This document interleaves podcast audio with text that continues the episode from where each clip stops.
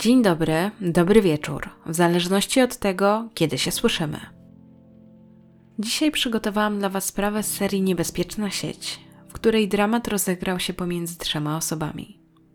Do czego zdolny jest człowiek, który nie wyobraża sobie życia bez drugiej osoby? Zanim jeszcze przejdziemy do odcinka, chciałam szybko przypomnieć o dwóch sprawach. Po pierwsze, wciąż możecie zakupić e-booka Kryminalne historie z zagadkami. Przypominam, są trzy różne pakiety, sam z audiobookiem lub audiobookiem i odcinkiem specjalnym o zbrodni pałanieckiej. A jeśli chcielibyście go kupić na prezent, wystarczy napisać do mnie maila na biuro małpa-kryminalnehistorie.com, gdzie pokieruję Was dalej, jak właśnie zakupić e-book na prezent oraz mogę załączyć napisane lub nagrane przeze mnie życzenia, które razem ustalimy. A jeśli macie ochotę zrobić sobie taki prezent, to oczywiście też jest taka opcja. Zatem jeśli interesuje Was właśnie taka możliwość, abym napisała lub nagrała życzenia, dołączyła do takiego prezentu, to na maila czekam do 18 grudnia tego roku. I druga sprawa, wiem, że trochę się wydarzyło, a niektórzy z Was bardzo na to czekają, czyli informacje odnośnie audioserialu Zaginęli w górach. Otóż z Maćkiem jesteśmy już na finiszu wszystkich przygotowań. Wstępnie ustaliliśmy datę i mam nadzieję, że w tym tygodniu podamy ją Wam do wiadomości. Jeśli chcecie w pierwszej kolejności dowiedzieć się, kiedy to dokładnie będzie, to zapraszam do zapisu na listę osób zainteresowanych.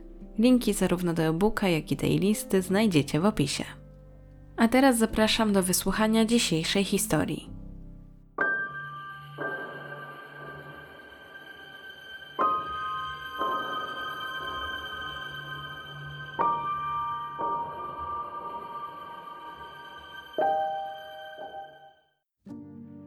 W 2016 roku Jovil w końcu czuła, że odżywa po tym, jak zakończyła swoje nieudane małżeństwo. Była gotowa na to, by ruszyć dalej. Jednak jej były mąż nawet nie chciał o tym słyszeć. Dla niego nie było możliwości, aby kobieta związała się jeszcze kiedyś z jakimś innym mężczyzną. Więc gdy taki się pojawił w ich życiu, ktoś z tej trójki przypłacił to życiem. W 2003 roku Aleksander Villaluna, który pochodził z Filipin, przeprowadził się do Nowej Zelandii. Mężczyzna postanowił studiować pielęgniarstwo i wkrótce rozpoczął studia. Cztery lata później, w 2007 roku, poznał Jovię Pilapil, również pochodzącą z Filipin. Oboje studiowali to samo, więc szybko połączyły ich wspólne tematy. Kobieta już była co prawda wcześniej zamężna i miała trójkę dzieci, ale dla Aleksandra nie była to żadna przeszkoda. Para zaczęła się spotykać i układało im się na tyle dobrze, że wkrótce postanowili wziąć ślub. A niedługo potem, w 2011 roku, na świat przyszedł ich syn. Początkowo układało się między nimi naprawdę w porządku. Jednak pojawiły się pewne problemy finansowe. Obecnie mieszkali niedaleko Oakland. Wcześniej Joville mieszkała w Upper Hutt, gdzie wynajmowała dom. Okazało się, że nie była rozliczona z właścicielem tego domu i miała do zapłaty zaległy czynsz. Sprawa trafiła do sądu i ostatecznie kobieta otrzymała nakaz zapłaty 1050 dolarów. I ta suma dotyczyła tego okresu, gdy w 2008 roku kobieta wynajmowała ten dom. Wydawało się, że to aż tak nie wpłynęło na rodzinę, która dalej sprawiała wrażenie szczęśliwej a przynajmniej taki obraz można było zaobserwować na profilach Jovil z tamtego okresu. Wstawiała m.in. zdjęcia swojego synka, który rozmawia z tatą na Skype'ie z podpisem Papa Alex, czy chwaliła się śliwkami z własnego drzewka. Wyglądało jakby ich sielanka trwała, ale były to tylko pozory. Szybko okazało się, że mężczyzna nie do końca ufał swojej żonie. Miał ochotę kontrolować ją na każdym kroku i nie wyobrażał sobie, że mogłaby od niego odejść. Był o nią bardzo zazdrosny. To sprawiało, że Jovil czuła się ograniczona. Nie miała też w rezultacie zbyt wielu przyjaciół. Aleksander nie chciał, żeby nigdzie wychodziła poza pracą. W tym czasie byli już po studiach, oboje pracowali w zawodzie, opiekowali się starszymi osobami, więc też nie było tam za bardzo możliwości, aby poprzebywać z osobami w podobnym wieku. To oczywiście zadziałało w drugą stronę niż chciał Aleksander, bo kobieta coraz częściej zaczynała myśleć o tym, że źle się czuje w tym małżeństwie, a myśl o rozwodzie kiełkowała. Aż w końcu podjęła decyzję. A stało się to po tym, jak do tych zaborczych zachowań doszła przemoc słowna oraz fizyczna. Podczas jednej z kłótni mężczyzna podniósł na nią rękę, uderzył ją pięścią, a potem zaczął dusić. Wtedy Jovi zdała sobie sprawę z tego, że to nie jest tylko kwestia nieudanego małżeństwa, ale również zagrożenia jej życia. Nie mogła być dłużej z tym człowiekiem, nie czuła się przy nim bezpiecznie. Do tego Aleksander zaczął jej grozić, że jeśli go opuści i zacznie się z kimś spotykać, to ją zabije. Te słowa naprawdę ją przeraziły, choć nie chciała wierzyć, że jej mąż byłby naprawdę do tego zdolny. Mieli przecież dziecko. To prawda, był porywczy, kontrolujący, mówił dużo w emocjach. Chciała jednak wierzyć, że to tylko takie gadanie. Wiedziała jednak, że musi się uwolnić z tego związku. W końcu, w 2013 roku, zdecydowała się na przeprowadzkę z dziećmi do Australii. Zgłosiła się również na policję i opowiedziała o sytuacji w domu. Następnie wystąpiła o coś w stylu zakazu zbliżania się dla swojego męża, co dokładnie było nazwane nakazem zatrzymania przemocy dla Aleksandra. Mężczyzna źle to przyjął. Wypytywał potem dzieci Jovil, gdzie ich matka chodzi, z kim i co robi. Nie była to dla nikogo przyjemna sytuacja, ale tak trzeba było. Dla niej była więc to szansa na ucieczkę przed mężczyzną, który zagrażał nie tylko jej bezpieczeństwu, ale także jej dzieci. Nie wiedziała, do czego jeszcze mógłby być zdolny, gdyby przy nim została. Poczuła ulgę, że jest już daleko od swojego oprawcy i teraz może spróbować jakoś od nowa ułożyć sobie życie. Byli w separacji. Aleksander zachowywał się dosyć spokojnie, pomijając agresję słowną, którą cały czas wobec Joey stosował. Były to oczywiście jednak tylko pozory, bo w jego głowie kiełkował już pewien plan. Chciał dalej kontrolować swoją żonę i nie dopuścić do tego, aby kiedykolwiek z kimkolwiek się związała. Gdyby to zrobiła, dotrzymałby danego jej słowa. Zabiłby ją. Mimo odległości, jaka teraz ich dzieliła, mężczyzna wciąż nękał swoją żonę, głównie w formie online. Pisał do niej maile, w których ją obrażał i jej groził. W międzyczasie kupił nóż myśliwski i specjalny plecak, taki w stylu wojskowym. W jednym z maili pisał do niej, aby nie zmuszała go do działania. W innym dodał, że ma szczęście, że pozwala jej oddychać. Takie maile kobieta otrzymywała jeszcze na trzy tygodnie przed tragedią. Sytuacja wciąż była napięta.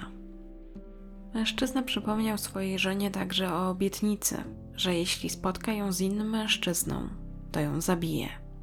Jewil się bała, ale chciała też żyć normalnie.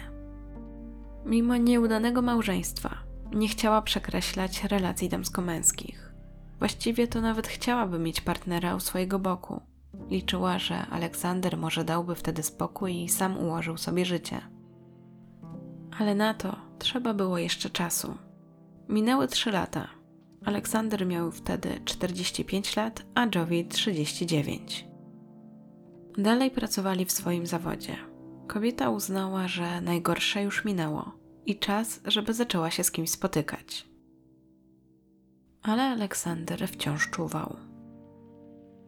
Co jakiś czas w mailach przypominał jej, co o niej myśli i żeby pamiętała, że żyje tylko dlatego, że mają syna. Podkreślał, że prosi, aby nie zmusiła go do zmiany zdania. Mimo tego kobieta była pełna nadziei. 2016 rok powitała postem, w którym napisała: Nowy rok, nowy początek i trzy wykrzykniki. Załączyła do tego swoje zdjęcie, na którym się uśmiechała. W końcu otrzymała rozwód, a stało się to dwa miesiące temu. Mogła ruszyć dalej i tak też zrobiła. W tym celu zainstalowała Tindera, aplikację randkową, dzięki której liczyła, że pozna jakiegoś mężczyznę. Po pewnym czasie używania tej aplikacji natrafiła na mężczyznę, który ją zainteresował. 53-letni Keith Collins był biznesmenem z Terrigal z Nowej Południowej Walii. Mężczyzna również był imigrantem, bo urodził się w Irlandii. Był po rozwodzie, miał czwórkę rodzonych dzieci i trójkę pasierbów. Poznając Jovial nie wiedział, że wplątuje się w tragiczną historię i że tak naprawdę kobieta nie pozbyła się byłego męża ze swojego życia. Ale w tamtym momencie 39-latka też tego nie wiedziała. Była pewna, że po rozwodzie z Aleksandrem ma go z głowy. Dlatego nie powstrzymywała się przed wyrażeniem radości na swoich profilach w social mediach. Liczyła, że na jej byłym mężu nie zrobi to już żadnego wrażenia. Tym czasie znajomość z Kifem się rozwijała. Rozmawiali coraz więcej. W pewnym momencie Jovel na swoim Facebooku w dniu swoich urodzin zamieściła zdjęcie kwiatów przesłanych przez cichego wielbiciela. Znalazły się tam również zdjęcia kartek urodzinowych oraz prezentów, które otrzymała od swoich dzieci. Kobieta bardzo cieszyła się, że jej dzieci uważają ją za najlepszą mamę na świecie oraz podkreślały, że jest niezależną kobietą. Kibicowały jej. To wszystko miało miejsce 8 marca. Tego dnia właśnie Jovil miała urodziny, co oczywiście w Polsce jest dodatkowo znaczące, bo tego dnia obchodzimy Dzień Kobiet. Ale myślę, że tę datę bardzo dobrze kojarzycie. Łącznie przez tydzień Jovil celebrowała swoje urodziny. W tym czasie spędzała czas z dziećmi oraz koleżankami. Publikowała także posty, które sugerowały, że jest zdeterminowana, aby ruszyć dalej. Wrzucała również różne cytaty, które sugerowały, że najgorsze już za nią, że właśnie za nią było piekło, a teraz czas na to, aby ruszyć i zacząć żyć od nowa, być szczęśliwą. W jednym z postów napisała też, że urodziła się w roku węża i że wąż nie gryzie, dopóki nie zostanie osaczony albo nie poczuje zagrożenia. Dawała tam znać, że jeśli ktoś ją zaatakuje, to ona odpłaci mu się tym samym. Więc ogólnie po tych postach można było mieć takie wrażenie, że kobieta odżywa, że staje się silna i chce o siebie zawalczyć, o swoje szczęście. Tylko, że Jovil nie wiedziała, że tych kwiatów wcale nie wysłał jej jakiś nieznany jej cichy wielbiciel, ale zrobił to jej były mąż. I że wcale nie zamierzał o niej zapomnieć. Zakaz zbliżania się dla Aleksandra wciąż obowiązywał na dwa miesiące przed tragedią, Jovil ponownie o niego wystąpiła i otrzymała potwierdzenie, że jest on aktualny. Jej działania wynikały z tego, że wiadomości od jej byłego męża wciąż były nieprzyjemne i sprawiały, że kobieta wciąż gdzieś z tyłu głowy miała lęk o swoje życie. Na razie jednak ten lęk został zepchnięty na dalszy plan, bo znajomość z Kifem w końcu miała przenieść się ze świata wirtualnego do realnego. Para pierwsze spotkanie zaplanowała na 30 marca 2016 roku. Umówili się w restauracji w centrum handlowym Horsby w Sydney Upper North Shore. Według opisów była to koreańska knajpa określana mianem restauracji barbecue. Spotkanie miało odbyć się wieczorem i Joville bardzo się na nie cieszyła. W końcu nadszedł ten czas i kobieta poszła na spotkanie z Kifem. Randka była bardzo przyjemna. Czas szybko im mijał. Naprawdę dobrze się bawiła. Ostatnią rzeczą, o jakiej by pomyślała, to to, że ten wieczór może skończyć się tragicznie. Co prawda dzwonili do niej z pracy, że Aleksander o nią wypytywał, ale nic mu nie powiedzieli. Była bezpieczna. Nie wiedział przecież, gdzie jest. Gdy wybiła godzina 21, akurat kończyli posiłek. I wtedy wydarzyło się coś niespodziewanego. Do knajpy, w której siedzieli, nagle wszedł były mąż Jovil. Jak to się stało, że mężczyzna się tu pojawił? I skąd w ogóle wiedział, że będą tam siedzieć? Kobieta miała milion myśli, ale wiedziała, że to nic dobrego. Od dawna nie widziała Aleksandra, ale to, że się pojawił akurat dzisiaj, nie wróżyło niczego dobrego. W końcu odgrażał się, że ją zabije, jeśli kiedykolwiek zobaczy ją z innym. I właśnie dzisiaj się to stało. Joel nie wiedziała, że tego dnia Aleksander wszędzie jej szukał. Najpierw zadzwonił do jej bliskich, ale nie powiedzieli mu, gdzie jest. Potem do jej pracy, ale tam mu powiedzieli, że kobiety już tam nie ma. Odwiedził jej dom, ale też jej nie zastał. Jakby wiedziony jakimś przeczuciem, uznał, że musi ją odnaleźć. Może czuł, że jest kimś innym. Musiał temu zapobiec. Miał przy sobie nóż myśliwski i plecak na wypadek, gdyby akurat dziś mu się przydały. Jeżdżąc po okolicy, w końcu zajechał pod centrum handlowe w Hornsby Westfield, gdzie dostrzegł samochód Joville. Obok akurat było wolne miejsce, więc zaparkował. Następnie wysiadł i ruszył szukać, jak to określał w swojej głowie, niewiernej żony. Bo Aleksander nie pogodził się z tym, że nie byli już małżeństwem. Uważał, że Joville należy do niego i nikt nie ma prawa jej mieć. Traktował ją przedmiotowo. Miała być jego albo niczyja. W końcu ją dostrzegł. Siedziała w knajpie z jakimś mężczyzną. Zagotował się. Nie mógł zrozumieć, jak mogła mu to zrobić. Przecież ją ostrzegał. Ruszył do ataku. Całe to mrożące krew w żyłach wydarzenie uwieczniła kamera, która znajdowała się w knajpie. Później, gdy nagranie było przedstawione w sądzie, nikt nie mógł uwierzyć, że to wszystko się wydarzyło. Wyglądało to tak, gdy Aleksander zobaczył swoją żonę, wszedł do knajpy i podszedł do stolika, przy którym siedziała. Objął ją ramieniem, a następnie popatrzył na siedzącego naprzeciwko niej mężczyznę i zapytał, co robi z jego żoną. Kif wtedy wstał i powiedział, że właśnie jedzą kolację. Jovil błagała męża, aby dał im spokojnie spędzić wieczór i poszedł stąd. Mężczyzna jakby chwilę się zastanawiał, co Kif wykorzystał jako dobry znak i za wcześnie zaufał, że sytuacja jest pod kontrolą. Następnie odwrócił się do niego tyłem, a wtedy Aleksander rzucił się na niego, złapał lewą dłonią za jego szyję, a prawą, w której miał nóż myśliwski, zaczął dźgać mężczyznę w podbrzusze, raz za razem. Chwilę później Kif upadł na ziemię. Był cały we krwi. Knajpie zrobił się chaos. Ludzie byli przerażeni. Nikt nie chciał być następny. Świadkowie nie wiedzieli, jakie relacje łączą tych ludzi i bali się, że to atak jakiegoś wariata. Nikt więc nie zareagował. Wszyscy krzyczeli i uciekali z restauracji. Gdy Kif leżał zakrwawiony na ziemi, Aleksander zwrócił się w stronę swojej byłej żony. Tym razem to ją zaatakował. Wbił jej nóż w lewą pierś, a następnie prawe ramię, gdy kobieta je podniosła, by się bronić. Potem osunęła się na ziemię. Kif jeszcze wtedy żył i próbował wstać, aby jej pomóc, ale był już zbyt słaby. Gdy Aleksander zobaczył, że mężczyzna wciąż żyje, wrócił do niego. Klęknął tuż obok, chwycił nóż w dwie ręce, podniósł je do góry, a następnie z całej siły wbił w jego tors szepcząc mu przy tym do ucha to, co powiedział już wcześniej, czyli co robi z jego żoną. Był wściekły. Na monitoringu widać było, że zrobił to co najmniej pięć razy. Potem wstał i spokojnym krokiem wyszedł z restauracji, jak gdyby nigdy nic. W międzyczasie Jovi udało się uciec z tego miejsca. Kobieta krwawiła, ale działał instynkt samozachowawczy. Musiała się ratować. Wiedziała, że Aleksander ją zabije, nie miała sił, ale jeszcze ostatkiem dobiegła do najbliższego sklepu i tam upadła na ziemię.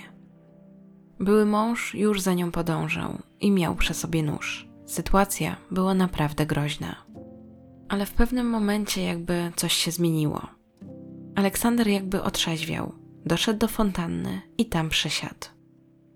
Poprosił jakiegoś mężczyznę, aby zadzwonił na numer alarmowy. Sam w tym czasie zadzwonił do córki swojej byłej żony i powiedział, że myśli, że zabił tego faceta, a do tego dźgnął jej mamę. Potem się rozłączył i wrócił do restauracji. Jego zachowanie było dosyć specyficzne, bo nagle wziął krzesło i usiadł przy ciele Kifa, a potem jakby czekał. Chwilę później do restauracji przybyli policjanci. Zobaczyli, że Aleksander wciąż trzyma nóż. Sami w rękach mieli paralizator. Rozkazali mężczyźnie, aby opuścił nóż. Jeden z policjantów zapytał go, co się stało. Na co Aleksander takim naprawdę przejętym głosem powiedział nieskładnie, że przyszedł tutaj i zastał ją. W domyśle swoją żonę, bo nie pogodził się z tym, że już nią nie jest, z innym mężczyzną, a potem dźgnął go i dźgnął ją. Chyba trafił w nogi. Policjant jeszcze raz dopytał, po co dźgał też żonę, na co powiedział, że dlatego, że była z innym. Wyglądał, jakby naprawdę uważał, że to był wystarczający powód. Sposób, w jaki dźgał mężczyznę, został później opisany przez specjalistów jako celowy i metodyczny. Nie było tu mowy o działaniu w emocjach. Do ataku miało dojść około godziny 21.30. Keith Collins, ojciec i ojczym łącznie siódemki dzieci, zmarł na miejscu. Przyczyną śmierci miały być jednak rany kłute szyi i gardła. Oznaczało to, że już te pierwsze ciosy, jakie mężczyzna otrzymał od Aleksandra, doprowadziły do jego śmierci. Jovil została zabrana przez pogotowie z ranami klatki piersiowej i ramienia. Wstępnie też ustalono, że miała przebity mostek. Według świadków, po ataku na Kifa i ucieczce Jovil, Aleksander chodził sobie spokojnym krokiem po centrum handlowym. Cały czas miał też przy sobie zakrwawiony nóż, a ostrze wyglądało na około 20 cm. Według ich opisu chodził tam i z powrotem, jakby czegoś szukał, a potem odpuścił. Gdy po krótkiej rozmowie z Aleksandrem policjanci zdecydowali się na jego aresztowanie, dla swojego bezpieczeństwa mieli w pogotowiu paralizator, ale mężczyzna nie stawiał oporu. Poddał się bez dyskusji. Łącznie całość trwała jakieś 15 minut, więc była to tak naprawdę dosyć szybka akcja. Jeden ze świadków powiedział, że cały czas miał wrażenie, że od napastnika bił spokój. Porównał to do tego, jakby w czasie ataku był jakiś taki nieświadomy, działał mechanicznie. A potem usiadł i wyglądał, jakby się zastanawiał, co robić dalej, wciąż zachowując spokój i nie zważając na to, co wokół niego się działo. Początkowo policjanci nie przekazywali do wiadomości publicznej powodów ataku. Pojawiło się tylko takie lakoniczne stwierdzenie, że relacje, jakie łączyły tę trójkę, zostaną ustalone w toku policyjnego śledztwa. Na tym etapie podano, że nie ma pewności, czy między tymi osobami były jakiekolwiek stosunki. Choć zakładano, że napastnik i zaatakowana kobieta mogli być w jakiejś relacji. Do tego całej sytuacji nie ułatwiały pierwsze relacje świadków, które były dosyć chaotyczne. Niektórzy mówili o nożu, ale znalazły się także osoby, które twierdziły, że Aleksander przeskoczył przez ladę baru, który znajdował się w tej restauracji, i następnie dźgnął nią zabitego później mężczyznę. Na miejscu zbrodni zostały oczywiście zabezpieczone różne rzeczy, i właściwa wersja wydarzeń miała wkrótce zostać ustalona. Na tym etapie śledztwa nie było pewności, czy sprawca do ataku użył butelki czy noża. Dopiero później monitoring miał rozwiązać te wątpliwości. To też pokazuje, jak zeznania świadków w takich momentach mogą się od siebie różnić i przedstawiać różne wersje. Dlatego śledczy starannie muszą odsiewać te informacje i szukać faktów. Zwłaszcza, że w emocjach ludzie mogą źle zapamiętywać różne wydarzenia i stąd właśnie te różnice w zeznaniach potem.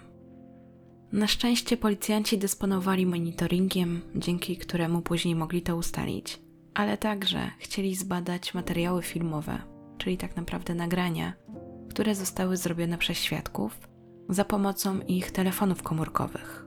I były to osoby zarówno z restauracji, jak i takie, które po prostu były w tym centrum handlowym. Ponieważ jednak śledczy nie dotarli do wszystkich osób, które takie nagrania poczyniły, to pojawiła się właśnie w mediach informacja, że jeżeli ktoś był tego dnia w centrum handlowym, w tym konkretnym, to bardzo jest proszony, aby zgłosił się na policję i przedstawił te nagrania. No i generalnie, jak to bywa w takich sytuacjach, oczywiście już niektóre nagrania krążyły w internecie. Między innymi nagranie z momentu zatrzymania, gdzie było widać, jak policjanci trzymają paralizator i chwilę dyskutują z tym mężczyzną. Następnie widać, jak mężczyzna puszcza nóż i odkłada plecak. Następnie klęka na ziemi i zostaje zakuty w kajdanki. Po zatrzymaniu mężczyzny sąd zadecydował, że w tym momencie nie będzie możliwości zwolnienia za kaucją. Oznaczało to, że do procesu ma czekać w areszcie. W tym czasie w mediach zrobiło się głośno o tej sprawie. Większość gazet opisywała moment ataku, także to, co było widać na nagraniach i relacje świadków. Sydney Morning Herald dotarła do jednego ze świadków, który dokładnie im opisał, jak wyglądało całe to wydarzenie. Peter Dymbowski określił napastnika jako niesamowicie spokojnego. Dziennikarze dotarli także do Michaela Shorta, który pracował w jednym ze sklepów w tym centrum handlowym i który później zamieścił na Facebooku zdjęcie Aleksandra siedzącego koło fontanny. Na tym zdjęciu było też widać, jak trzyma ogromny nóż. Mężczyzna powiedział, że właśnie kończył pracę, gdy zobaczył, że jest jakieś zamieszanie, że setki ludzi krzyczą, biegną gdzieś i zastanawiał się o co chodzi. Mężczyzna pobiegł więc do swojego samochodu w poszukiwaniu jakiejś rzeczy, którą mógłby się w razie co obronić, i w ten sposób złapał łyżkę do opon, a następnie wrócił do sklepu, w którym pracował. I tam ku jego zaskoczeniu właśnie zastał Jovil, która już w tym czasie dotarła do tego sklepu, i to był ten sklep, w którym opadła z sił. I tu pojawia się dosyć zaskakująca kwestia, o której nie wiedziałam, w sensie wcześniej nie znalazłam więcej informacji, ale według opisów tego mężczyzny, Jovil przekazała mu, że w samochodzie czekają na nią dzieci. Powiedziała mu, że ma szukać czerwonego samochodu z dziećmi, że to jest jej samochód i żeby właśnie tam do nich podszedł i powiedział im, co się stało, się nimi zaopiekował. Natomiast to jest jedyne takie źródło, gdzie pojawia się informacja, że w samochodzie Jovil czekały na nią dzieci. I wydaje mi się to dosyć takie nielogiczne, że kobieta idąc na randkę zostawiła dzieci w samochodzie. Z drugiej strony, może była na przykład w jakimś szoku i tak sobie wyobraziła, że właśnie dzieci są w samochodzie, może się tak zakręciła. W każdym razie mężczyzna szukał tego samochodu przez jakieś 45 minut i nie znalazł takiego, w którym byłyby dzieci. Z kolei ten pierwszy pan, który opowiadał, był świadkiem, czyli Dimbrowski, powiedział też, że kierownik tej restauracji, w której doszło do ataku, krzyczał na ludzi, aby nie zbliżali się do napastnika, bo też zakładał, że na przykład w tym plecaku może być bomba. Stąd też potem pojawiła się ta panika. Natomiast inny świadek, Ralphie Sakrafi, który był kelnerem w sąsiedniej restauracji, powiedział, że Aleksander spokojnie przechadzał się tam i z powrotem. Wyglądało jakby szukał właśnie tej kobiety, która uciekła, i że w tym czasie już ten drugi mężczyzna leżał martwy w restauracji. Dziennikarze dotarli także do świadka, który był w stanie opisać człowieka, który został zabity, czyli Kifa, no i na tej podstawie później w mediach ten opis się pojawił. Bo oczywiście dziennikarze nie mieli takiego dostępu do informacji jak policjanci. Mężczyzna wspominał, że zanim Kiew umarł, to jeszcze krzyczał pomocy. Więc gdy Aleksander już wyszedł i wydawało się, że zrobiło się spokojniej, to on do niego podszedł i starał się mu jakoś pomóc. Mówił, żeby zachował spokój, że już jedzie tutaj pogotowie i tak dalej. Ale niestety, zanim dojechało pogotowie, mężczyzna zmarł. W międzyczasie Ministerstwo Spraw Zagranicznych poinformowało, że nie otrzymało żadnego wniosku o pomoc konsularną w związku z tym incydentem. Aleksander, który przebywał w tym czasie w areszcie, dostał taką możliwość, takie w ogóle zapytanie, czy chciałby przeprosić rodzinę zmarłego. Natomiast jego pierwsza reakcja brzmiała, że nie może tego zrobić, bo wciąż jest zły na to, co mu się przydarzyło. Twierdził również, że uniemożliwia mu to modlitwę, że nie może się połączyć ze swoim Panem. Choć później oczywiście się to zmieniło i gdy już doszło do takich pisemnych przeprosin, to mężczyzna cytował fragmenty Biblii. Aleksander Villaluna, który przebywał w Australii na wizie, został ostatecznie oskarżony o morderstwo i usiłowanie zabójstwa. Po tym, jak został mu odczytany akt oskarżenia, nie złożył wniosku o zwolnienie za kaucją. Mężczyzna czekał na proces, a jego była żona walczyła w tym czasie o swoje życie. Została zabrana do szpitala Royal North Shore, gdzie przebyła operację z powodu tych ran kłutych klatki piersiowej, które przebiły jej mostek. Z kolei o Kifie w mediach pojawiły się informacje, że był to człowiek oddany swojej rodzinie i taki jeden na milion. Jego córka opublikowała w internecie jego zdjęcie i napisała, że kocha go najbardziej na świecie i że na zawsze będzie jego dziewczynką, bez względu na wszystko. Po paru dniach pojawiła się informacja, że Jovil wraca do zdrowia. Oznaczało to, że na szczęście przeżyła atak byłego męża. Aleksander nie wypierał się tego, co zrobił i przyznał się do winy. W trakcie procesu przedstawiono nagranie z monitoringu oraz zeznania świadków. Nie było wątpliwości, że ten człowiek zrobił to z premedytacją. Podkreślono, że Aleksander nie miał żadnych skrupułów, że jak widział, że jeszcze Kiw żyje, to po prostu podszedł do niego i go dobił. Najbardziej jednak przerażający był jego spokój, gdy potem wstał i podążył ze swoją żoną, w jego głowie oczywiście żoną, bo oficjalnie już byłą żoną, która przed nim uciekała. Nie robiło też na nim wrażenia, że był cały we krwi. Po prostu szedł sobie spokojnie, jakby naprawdę był nieobecny, jakby nie zdawał sobie sprawy z tego, co się dzieje.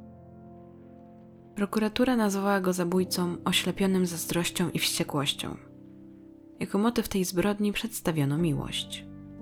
Oprócz świadków i różnych specjalistów, zeznawały także dzieci Kifa, które mówiły, jakim był człowiekiem, że był dla nich ważny, że teraz sobie nie wyobrażają życia bez niego, że był ich oparciem, ale co najważniejsze, tatą. I samo to, że pomimo rozwodu mężczyzna dalej opiekował się swoimi pasierbami, świadczyło o tym, jakim był człowiekiem, że był właśnie oddany rodzinie i że nawet jeżeli nie wyszło mu w małżeństwie, to dla niego nie miało to znaczenia, jeżeli chodzi o dzieci. Podczas procesu obrońca Aleksandra odczytał także jego przeprosiny, ale sędzia uznał je za nieszczere. Podkreślił, że jego zachowanie jest niespójne z tym, co chciał przekazać, w związku z tym nie zauważał u niego jakichkolwiek wyrzutów sumienia czy śladów empatii. I nawet gdy córka Kifa, 17-letnia, przeczytała w sądzie swoje oświadczenie, mówiła, że to było dla niej traumatyczne przeżycie i że ostatnie pożegnanie z ojcem to było właśnie, gdy już nie żył, gdy miała możliwość zobaczenia go przed pochowaniem. To w tym momencie na Aleksandrze też to nie zrobiło wrażenia. Jeśli chodzi o treść tego oświadczenia Aleksandra, w którym niby przepraszał, to mniej więcej wyglądało to tak, że powołał się na Biblię, gdzie wskazał na cytat mówiący o tym, że jak ktoś wyrządzi nam krzywdę, to trzeba czekać, bo Bóg go właśnie ukaże swoim gniewem, co też w zasadzie nie pasowało do tego, co zrobił. Podkreślił też w tym oświadczeniu, jakim jest dobrym człowiekiem, jako pielęgniarz, że uratował wiele żyć, że pomagał, że dzięki niemu urodziło się dziecko jakieś przez cesarskie cięcie tak jakby w tym liście w ogóle nie skupił się na tej stracie, na tym, co się wydarzyło, na tym, że zawinił, tylko jakby chciał się tak wybielić. I dopiero na samym końcu było: Naprawdę przepraszam za to, co zrobiłem. Nie dziwne więc, że zarówno prokuratura, jak i później sąd określiły to oświadczenie jako nieszczere. Sędzia, wydając wyrok, powiedział, że Aleksandra ukształtowało przekonanie, że zabije każdego mężczyznę, o którym sądził, że wykazuje romantyczne zainteresowanie jego byłą żoną. Podkreślił również, że ze wszystkich tchórzliwych i bezlitosnych czynów, które sprawca popełnił tamtego dnia, najgorszy był ten, że on wrócił do umierającego człowieka, aby go wykończyć. Ten czyn określił mianem ohydnego. Do tego dorwał, że przerwał właśnie swój atak na byłą żonę, być gnąć bezbronnego umierającego człowieka, którego sprawca nigdy wcześniej nie spotkał. I powodem było tylko to, że odważył się zjeść kolację z kobietą, która już nawet nie chciała być ze sprawcą. Jeśli chodzi o wyrok, to sędzia zarządził, że mężczyzna zostanie skazany na 40 lat więzienia, a o zwolnienie warunkowe będzie się mógł ubiegać nie wcześniej niż po 30 latach czyli minimalnie powinien odsiedzieć 30 lat w więzieniu. Jeśli chodzi jeszcze o komentarz sędziego, to dodał po tym, jak obejrzał te nagrania z monitoringu, że najbardziej co go w tym wszystkim zaskoczyło, to był całkowity brak wahania. Po wyroku wypowiedziały się bliskie ofiary, czyli Kifa, innymi jego siostra, która powiedziała, że nie może tego zrozumieć, jak ta niewinna po prostu taka kolacja w miejscu publicznym mogła doprowadzić do jego śmierci. Z kolei jego najstarszy syn powiedział, że ta sytuacja nie tylko odbiła się na nich, czyli tej rodzinie, tak nie tylko na tym, że Kif stracił życie, ale też na 30 osobach, które były zatrudnione w firmie Kifa. Bo po jego śmierci nie było już nikogo, kto byłby w stanie przejąć jego firmę, w związku z tym jego syn musiał ją zlikwidować, a to sprawiło, że wiele osób utraciło pracę. Podkreślił też, że to był dorobek życia jego ojca. Do tego jeszcze siostra Kifa dodała, że to był człowiek, który naprawdę się angażował w wiele projektów. Między innymi był prezesem lokalnej grupy rugby i z pasją pomagał młodym ludziom. Jego przyjaciółka również podkreśliła, że był niesamowitym człowiekiem, pełnym życia, który zawsze mówił to, co miał na myśli.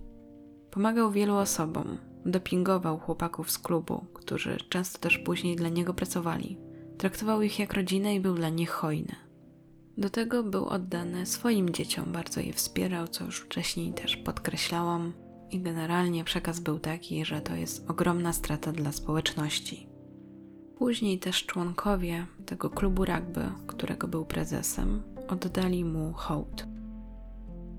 A zrobili to w ten sposób, że wszyscy członkowie mieli nosić na ręce czarne opaski. To był właśnie ten wyraz szacunku dla Kifa i też podczas jednego z meczów uczcili jego pamięć minutą ciszy.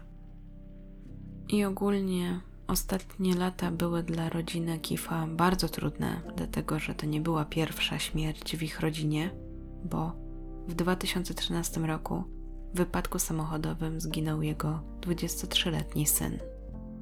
Nie znalazłam informacji, co dzieje się u Jovil teraz. Jeśli coś znajdziecie, to dajcie znać w komentarzu.